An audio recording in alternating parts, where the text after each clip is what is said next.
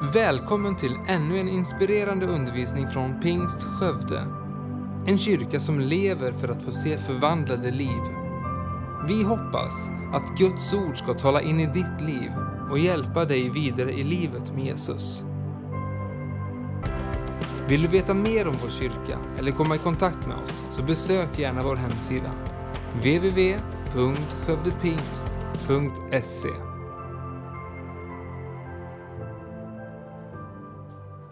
Amen. Visst är det så. Jesus har all makt i himlen och på jorden. Är du glad för det? Jag är väldigt glad för det. Det hade varit väldigt kört annars. Har ni, är, är, står det Sven på någon av vattenflaskorna där nere? Då tar jag den. Nej, jag kan bara ta den. Härligt.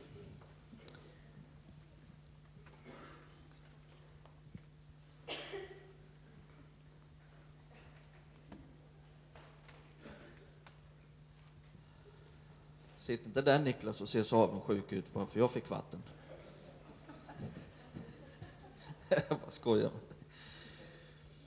Andra Mosebok 17.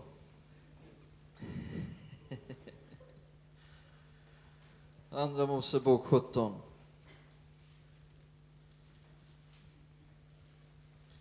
Då ska vi läsa vår text för idag.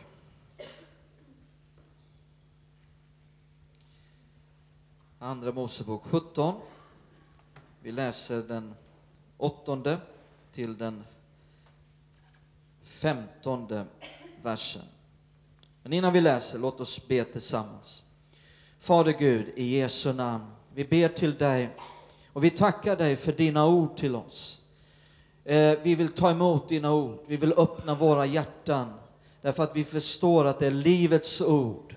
Det är ord som frälser, det är ord som helar, det är ord som ger ljus i en mörk och fallen värld. Det är, det, det, det är dina ord som är räddningen för oss. Du sände ditt ord och botade dem och räddade dem från graven. Vi tackar dig Fader att vi får ta emot dina ord, att du är en Gud som talar. Och jag ber att eh, det ska få bli ande och liv idag i, i dessa ord. Jag ber att eh, jag ska få hjälp när jag talar, jag ber att vi ska få hjälp att höra. Jag ber att du ska upplysa våra hjärtans ögon, ge oss en uppenbarelsens ande så att vi kan förstå det som är din vilja. Så att vi blir fria ifrån eh, felaktiga tankebyggnader och fästen i våra sinnen, att det får raseras och att eh, det som eventuellt har förblindat oss får bara eh, ge vika och att vi kan se klart det du vill att vi ska se. I Jesu namn vi ber. Amen. Då läser vi. Sedan kom Amalek och stred mot Israel i Refidim. Då sa Mose till Josua, välj ut manskap åt oss och drag ut i strid mot Amalek. Imorgon skall jag ställa mig överst på höjden med Guds stav i handen. Josua gjorde som Mose hade sagt till honom och stred mot Amalek. Men Mose, Aron och Hur steg upp överst på höjden. Och så länge Mose höll uppe sin hand hade Israel övertaget. Men när han lät handen sjunka fick Amalek övertaget. När Mose händer blev tunga tog de därför en sten och la under honom och han satte sig på den. Sedan stödde Aron och Hur han sänder en på var sida. Så hölls hans händer stadiga till dess solen gick ner.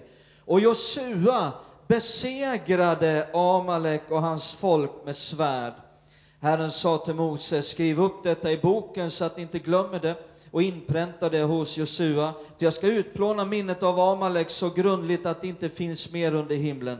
Och Mose byggde ett altare och gav det namnet Herren mitt baner. Han sa, en hand har lyfts mot Herrens tron. Herren ska strida mot Amalek från släkte till släkte. I vår kyrka i år nu så eh, uppmuntrar vi till att följa en bibelläsningsplan. Och, och många gör det, eh, antingen hela bibeln eller Nya Testamentet. Eh, och i veckan som gick nu Eh, så skulle vi läsa ifrån just det här kapitlet Och jag vill knyta an till det som vi, många av oss har läst här i, i veckan. Eh, och, och i den här berättelsen så ska vi hitta temat för idag. Och det är eh, här när vi ser att eh, vad som hände när Mose och Israels folk utkämpade sin allra första strid efter att man hade eh, tågat ut ur, ur det egyptiska slaveriet. Eh, och eh, när eh, eh, Mose här och israeliterna upplever den här fantastiska segern över amalekiterna så bygger Mose ett altare. Och så kallar han det på hebreiska för Jehova Nissi, Herren mitt baner. Eh, och här har vi temat då, Herren mitt segerbaner. Herren är mitt segerbaner. Eh, och, och, då måste man först fråga sig, vad är ett baner och, och hur kan vi komma in under detta och få uppleva att Herren är vårt baner? Om vi börjar med ett baner. Om man eh, går till eh, Ordspråksboken, eh, nej inte Ordspråksboken, Ordboken, Eh, ett lexikon och, och tar reda på vad ett baner är, så står det följande att eh, ett baner är ett samlingstecken för samhörande personer, för ett folk, en armé, en förening, ett parti och så vidare. Vilket består av en stång där man vid övre delen fäster ett märke, vanligen en fyrkantig duk. Baneret bärs högt upprest framför en ordnad skara. I spetsen för en trupp eller procession. Stridande arméer och soldater kämpar alltså under samma baner. Baneret i sig själv har ju ingen kraft, utan eh, visar och berättar för de stridande soldaterna vilken kraft, vilken makt, vilka resurser som står till de stridande arméernas förfogande. Och det underbara är att Herren kan vara vårt baner. Att vi kan få leva ett liv under Herrens baner, ett segerbaner. Den här striden nu, som eh, kan slänga upp den andra bilden. Den här striden nu som eh, Mose och israeliterna utkämpade mot amalekiterna här, det var en, en strid som inte var lik de andra striderna som kom senare. Eh, det är något väldigt speciellt med just den här striden. Ehm, och den här striden blir också på många sätt en bild på den strid som den kristne får utkämpa mot ondskans andemakter. Låt oss läsa här i Efesebrevet kapitel 6. Efesebrevet kapitel 6. Så läser vi från den tionde versen till den trettonde. Efesierbrevet 6, 10-13. Till sist, bli starka i Herren och i hans väldiga kraft. Ta på er hela Guds vapenrustning så att ni kan stå emot djävulens listiga angrepp. Lägg märke till ordet angrepp. Ty vi strider inte mot kött och blod, eh, utan mot furstar och väldigheter och världshärskare här i mörkret, mot ondskans andemakter i himlarna. Ser du här, det finns en strid mot ondskans andemakter i himlarna. Tag därför på er hela Guds vapenrustning så att ni kan eh, stå emot på den onda dagen och behålla fältet sedan ni fullgjort allt. Här ser vi den här striden som även den kristne får utkämpa. Och den här striden som Israels folk här hade direkt efter att de kom ut ifrån Egyptens välde och slaveri är, är så mycket en bild på eh, den kamp som den kristne kan få utkämpa mot ondskans andemakter och djävulens listiga angrepp som det står talas om här. Israels strid här mot amalekiterna, det var inte bara en strid i, i det naturliga, utan det var också en strid eh, i det andliga, på ett andligt plan. Vi ser bland annat Mose göra någonting som han aldrig mer gjorde i någon annan strid, gå upp på höjden med Guds stav upplyft. Eh, Amalekiterna, det var inte vilka som helst. Det var eh, ett, eh, ett normaliserande, hänsynslöst folk som livnärde sig mycket på plundring och, och överfall. Det var helt enkelt landpirater, skulle man kunna kalla dem för. Eh, och vi ser flera kännetecken i den här berättelsen på att de hade blivit redskap i händerna på onda andemakter. Ett första sådant kännetecken eh, det är att vi ser först av allt här att Israel hade precis fötts fram som en nation, som ett eget folkslag. Det var nyfött, det var nytt. Och då, precis där, kommer den här mycket speciella striden. Eh, genom det här folket så skulle Guds son Jesus Kristus födas. Och det är ofta precis där som djävulen vill försöka komma och döda och förgöra, när det som är från Gud är nytt, är nyfött, är i dess vagga, är i dess linda. Man kan se flera sådana här exempel genom hela Bibeln. Eh, ett sådant exempel är när Mose föddes. Som av någon ren tillfällighet fick eh, farao för sig att alla nyfödda hebreiska gossebarn skulle minsann kastas i Nilen. Ett annat sådant exempel är när Jesus föddes. Då fick Herodes, som av någon eh, konstig anledning för sig att alla gossebarn under två års ålder i eh, Betlehemsregionen skulle dödas. Eh, och även här så är det som att onda andemakter försöker komma precis när Israel som folkslag har fötts fram. Och det är nytt, det är nyfött. Och där försöker djävulen att komma åt och döda och förgöra detta folk när det är som nytt. Och på samma sätt kan det vara i ditt liv. Eh, på samma sätt kan det vara när en människa har kommit till tro och precis har blivit frälst, att det dröjer inte länge förrän den människan får uppleva att det pågår ett fullskaligt krig. Har du upptäckt att det pågår ett fullskaligt krig? Ja, det är verkligheten. Men just det här att det som, när, när det som är från Gud är alldeles nytt, att det är nyfött, där försöker onda andemakter att komma och förgöra och döda. Det andra kännetecknet på att detta är en, en, en mycket speciell strid och att det finns onda andemakter, det är också ett, ett, på ett andligt plan, är att eh, den här striden kom direkt efter en stor seger. Israels folk, Mose, de hade ju fått uppleva en helt fantastisk seger.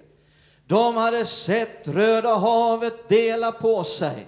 De hade gått igenom detta på torr mark. De hade också fått se hur, hur farao och Egyptens arméer dränktes i vattenmassorna. Och när de kom ut på andra sidan, eh, då fick de övernaturligt på ett, eh, eh, ta emot mat och dryck ifrån Gud. Och, och här i Refidim, där de nu befinner sig, där hade de fått se hur vatten på ett övernaturligt sätt hade vält fram ur en klippa. Och det var precis här i Refidim som amalekiterna kom ångande. Eh, just efter denna enorma seger. Och på samma sätt kan det vara i ditt liv.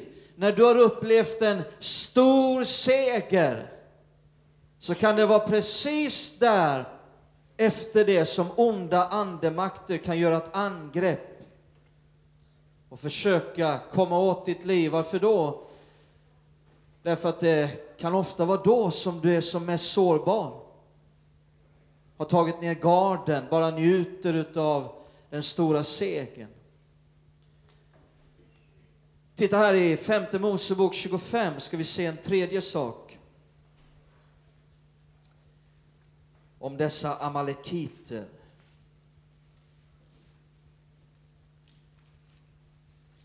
Femte Mosebok 25.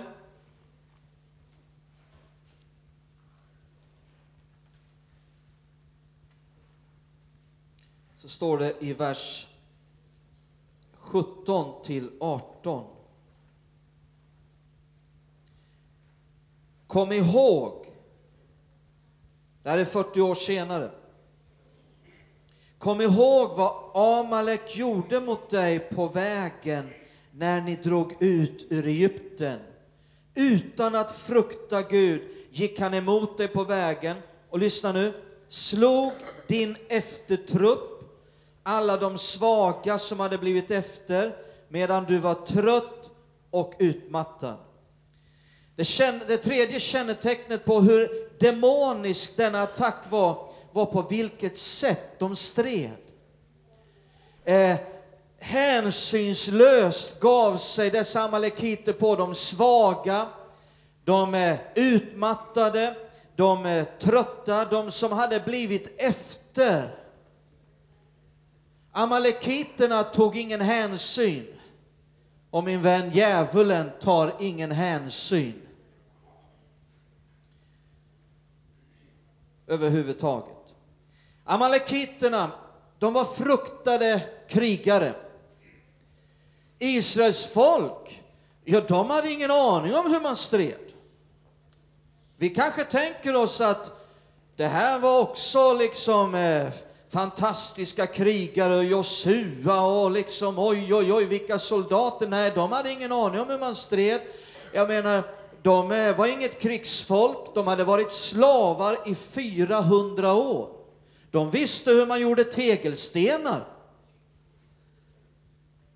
Amalekiterna visste hur man stred. Och det är också därför då som Mose gör någonting väldigt speciellt just i den här striden. Som också visar på hur vi kan komma in under Herrens baner och vinna seger i den andliga striden. Ska vi se det nu. Vad gör Mose då? Ja, när vi läste den här berättelsen så såg vi hur Mose går upp på höjden tillsammans med Aron och Hur. Och när Mose står där uppe på höjden med uppräckt arm och Guds stav i sin hand, då är det en fantastisk bild på när vi som församling, när vi i våra enskilda liv lyfter bönelivet och bönearbetet till en hög nivå. Där var Mose med sin upplyfta hand och stav. Och det är en sån bild på hur viktigt det kraftfulla bönelivet är. Och när man också lyfter trons nivå till nya, höga och högre höjder. Det är helt enkelt avgörande i den andliga striden. Det som var avgörande i den här striden, det var ju inte det som skedde nere i dalen. Eller hur? Det avgörande i den här striden var inte vilka som hade bäst armé. Utan det avgörande i striden var det som skedde uppe på höjden. Och Mose hade sin arm och Guds stav upplyft. Och min vän, det som blir avgörande i vår kamp, om vi ska se segrar för Guds rike, då är det avgörande vad som sker i bönelivet, i bönarbetet, att det har blivit lyft till en hög höjd. Det kommer att vara eh, det viktiga, det avgörande. Segern i den här berättelsen, den vanns inte egentligen nere i dalen, segern vanns uppe på höjden. Och de segrar som vi vill se för Guds rike, min vän, det kommer att ske först på bönens område. Vill vi se några segrar för den här församlingen, vill vi se en seger för det som är Guds vilja och planer, då kommer de segrarna först att behöva vinnas på bönens område. Det finns ingenting sådant som en segerrik församling, det finns ingenting sådant som en segerrikt kristet liv utan ett kraftfullt böneliv. Är ni med? När vi läser om de första kristna i den tidiga församlingen i Jerusalem för 2000 år sedan, då ser vi att det var en församling som var segerrik. Och vad var deras metod? Vad hade de för metod? Deras metod var bön. Och mycket bön.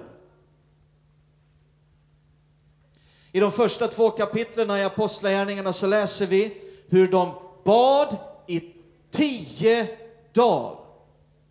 Sen predikade de i tio minuter och 3000 blev frälsta. I vår tid så ber man i tio minuter och predikar i tio dagar och tre blir frälsta. Vi har någonting att lära.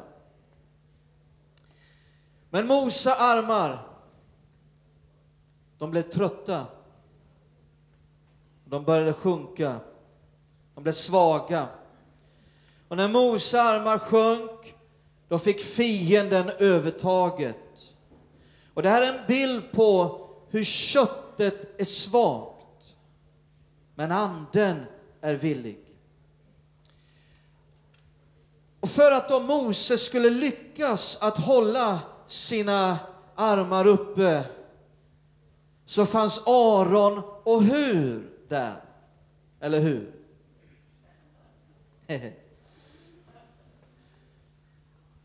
Och med deras hjälp så kunde Mose hålla sina armar uppe. Och det här är en bild på att en ensam bönekrigare kommer aldrig att vara stark. Vi behöver varandra, varandras stöd. Till och med Jesus kände att han behövde det här bönestödet från sina lärjungar. Ska vi läsa om det? Titta här i Markus 14. Markus 14. Så läser vi från den 32 versen.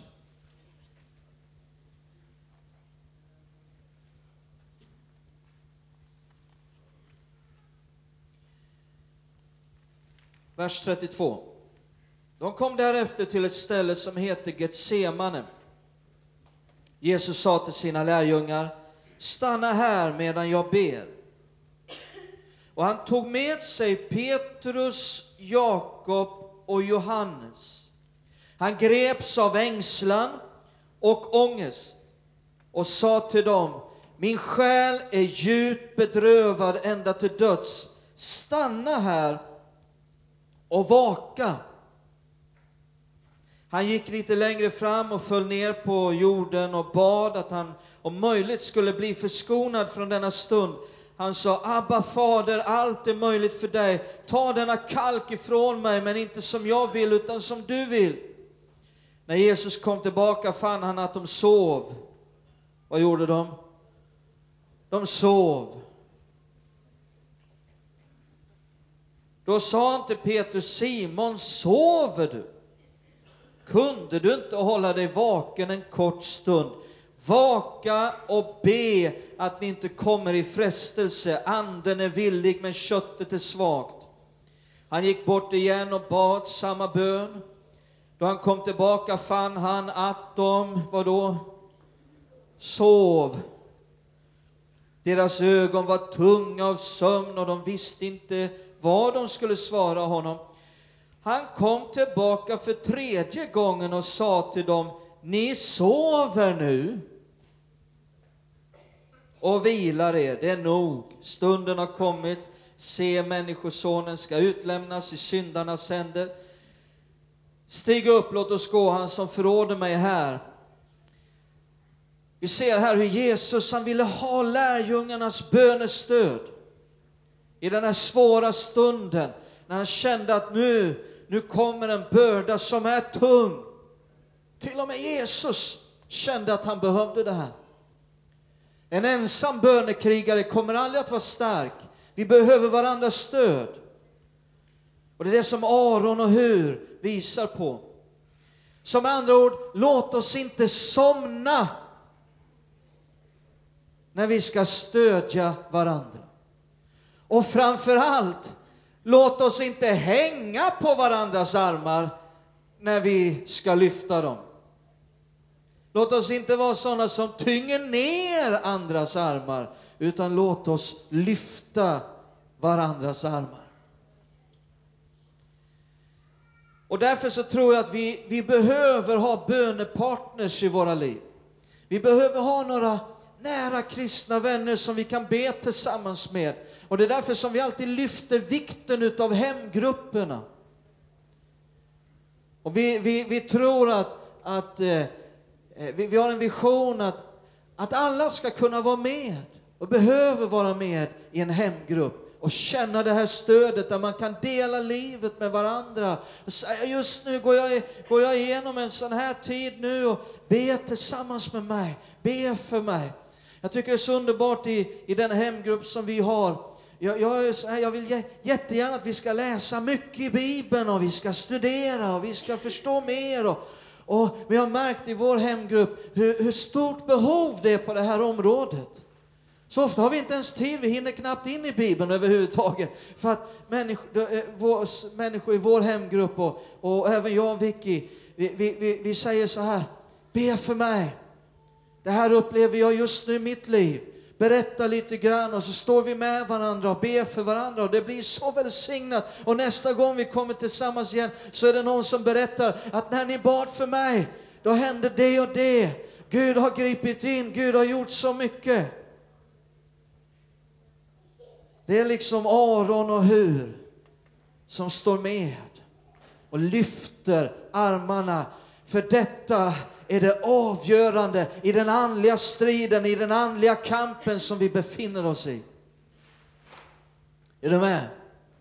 Vill du vara med och stå med andra, lyfta händerna på andra? I Aron och Hur så ser vi också en bild på två stycken andra områden som orsakar ett starkt bönearbete. I Aron Aronområdet så ser vi någonting väldigt speciellt. Vem var Aron? Han var översteprästen. Och som överstepräst så, så stod han mellan Gud och folket. Han blev som en länk mellan Gud och folket. Och han bad för folket till Gud. Och i det här området så ser vi förbönstjänsten.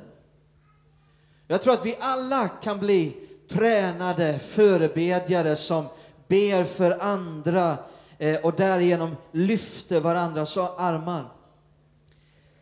Hur? Vem var han då? Vad ser vi i hur-området? Jo, hur, han var, han var en ättling till Juda. Och Juda, om man översätter det, det betyder lovprisning, det betyder tacksägelse. Och därför så vill vi hela tiden också lyfta vikten utav lovsång, utav tillbedjan. Och vi känner att i en atmosfär utav stark lovsång och tillbedjan så kommer också ett starkt bönearbete. Hur? Om man översätter själva namnet också så betyder det vit. Och det handlar om det rena, renhet. Och sa, eh, Jesus han sa vid tillfälle, saliga är de renhjärtade, för de ska se Gud. Så det är också en, en viktig bit. Till sist här så ser vi att en sista sak, och det är att det blev ingen snabb seger. Det var inte så att Mose klev upp där på morgonen uppe på höjden och lyfte upp sin stav och tio minuter senare så var det seger. Nej, Mose behövde vara uthållig innan det bröt igenom för seger. När solen gick ner, står det, så var det seger. Och jag tror att när solen går ner över våra liv så finns det förutsättningar för att det ska vara seger. Halleluja. Och jag tror att, att det på många andra områden i, i våra liv så, så behöver vi ha med det här att, att bara för att vi kan blicka upp och se att Herren är vårt baner. Vi kan blicka upp och konstatera hans kraft, hans makt som vi sjöng om här innan. Jesus har makt. Att vi kan blicka upp och konstatera hans kraft, hans makt, hans resurser står till vårt förfogande. Han är vårt baner. Han är vårt segerbaner. Bara för att Herren har lovat att han vill vara ditt baner, det betyder inte att det nödvändigtvis blir en snabb seger. Jesus undervisade mycket om att vara uthållig i bönen. Att inte förtröttas i bönen. Utan att be igenom. Att be igenom. Och genom hela Bibeln så ser man den här hemligheten, hur människor bad igenom. Elia, när han var uppe på berget och han skulle be till Gud om regn. Och han körde ner sitt huvud mellan knäna och så bad han till Gud om regn. Det hade inte regnat på tre och ett halvt år. Och så sa han till sin tjänare, gå ut och se om du ser något moln. Han sa, jag ser inget. Och han bad igen, och han bad igen, och han bad igen, och han bad igen, och han bad igen, och han bad igen. Och han bad igen den sjunde gången då kom tjänaren tillbaka och sa, nu ser jag ett litet moln, stort som en handsbredd. Och då visste Elia, nu har vi fått bönesvar. Men han gav inte upp, han bad till dess han bad igenom. Jag fick vara med om en fantastisk upplevelse, kanske jag berättat det här tidigare vid något tillfälle. Eh, första gången jag var i Israel för 15 år sedan med en resa med Birger Skoglund och Göran Duveskog och Mikael Järlestrand och det var många härliga på den här resan och så kom vi upp på Karmelberget, just den här platsen där Elia bad igenom detta regn. Och då hade man berättat för oss eh, sen vi kom ner att det har inte regnat i Israel på länge. Det är torka, Genesarets sjö håller på och sjunker och det är nöd och eh, eh, det var en förtvivlan över hela Israel för att det inte hade regnat. Och så kom vi upp på Karmelberget. Åh, oh, jag tyckte det var speciellt att känna här var Elia. Just på den här fläcken. Och så säger Göran Duveskog till mig, kan inte du leda oss i bön att det ska börja regna över Israel? Och jag kände det här är ännu mer speciellt. Tänk att få be om regn. Där Elia bad om regn. Och så läste jag ifrån det här bibelstället som handlar om det. Det var 200 personer där. Och sen läste vi att Elia, står det i Jakobs brev 5, han var en människa precis som vi. Och vi konstaterar att Gud är densamme som han alltid har varit. Och det kom en sån tro ibland alla dessa 200 deltagare. Och sen kände jag att det var så härligt att få leda i bön för detta. Och det var en sån underbar bön och dessa 200 de bad så berget höll på att skaka. Och sen satte vi oss i bussarna, fyra stycken, och så körde vi ner för Karmelberget. Och så kom vi ut på slätten som är nedanför Karmelberget. Och så sitter jag där längst fram i bussen. Och plötsligt så får jag se de här enorma vindrutetorkarna på bussen, hur de börjar slå fram och tillbaka. Dunk, dunk, dunk, dunk, dunk, dunk. Det lät liksom om dem så här. Och jag sa till busschauffören, vad är det frågan om? Och han sa, det har börjat regna. Och så öste regnet ner och snacka om att det blev jubel i bussen. Inte busken, utan bussen. Halleluja. Oh! Det finns många sådana här berg genom hela Bibeln. Jesus brukade gå upp på berg för att be. Elia var uppe på berg för att be. Mose gick upp på berget. Och jag tror att det finns ett berg i våra liv vi behöver besöka regelbundet och där vinna de andliga striderna, där vi inte är ensamma, där vi står tillsammans på det här sättet. Är ni med? Halleluja. Ska vi stå upp tillsammans? Tack för att du lyssnat. Titta gärna in på vår hemsida, www.skövdepingst.se, för att få veta mer om oss. Och glöm inte att du alltid är välkommen till vår kyrka.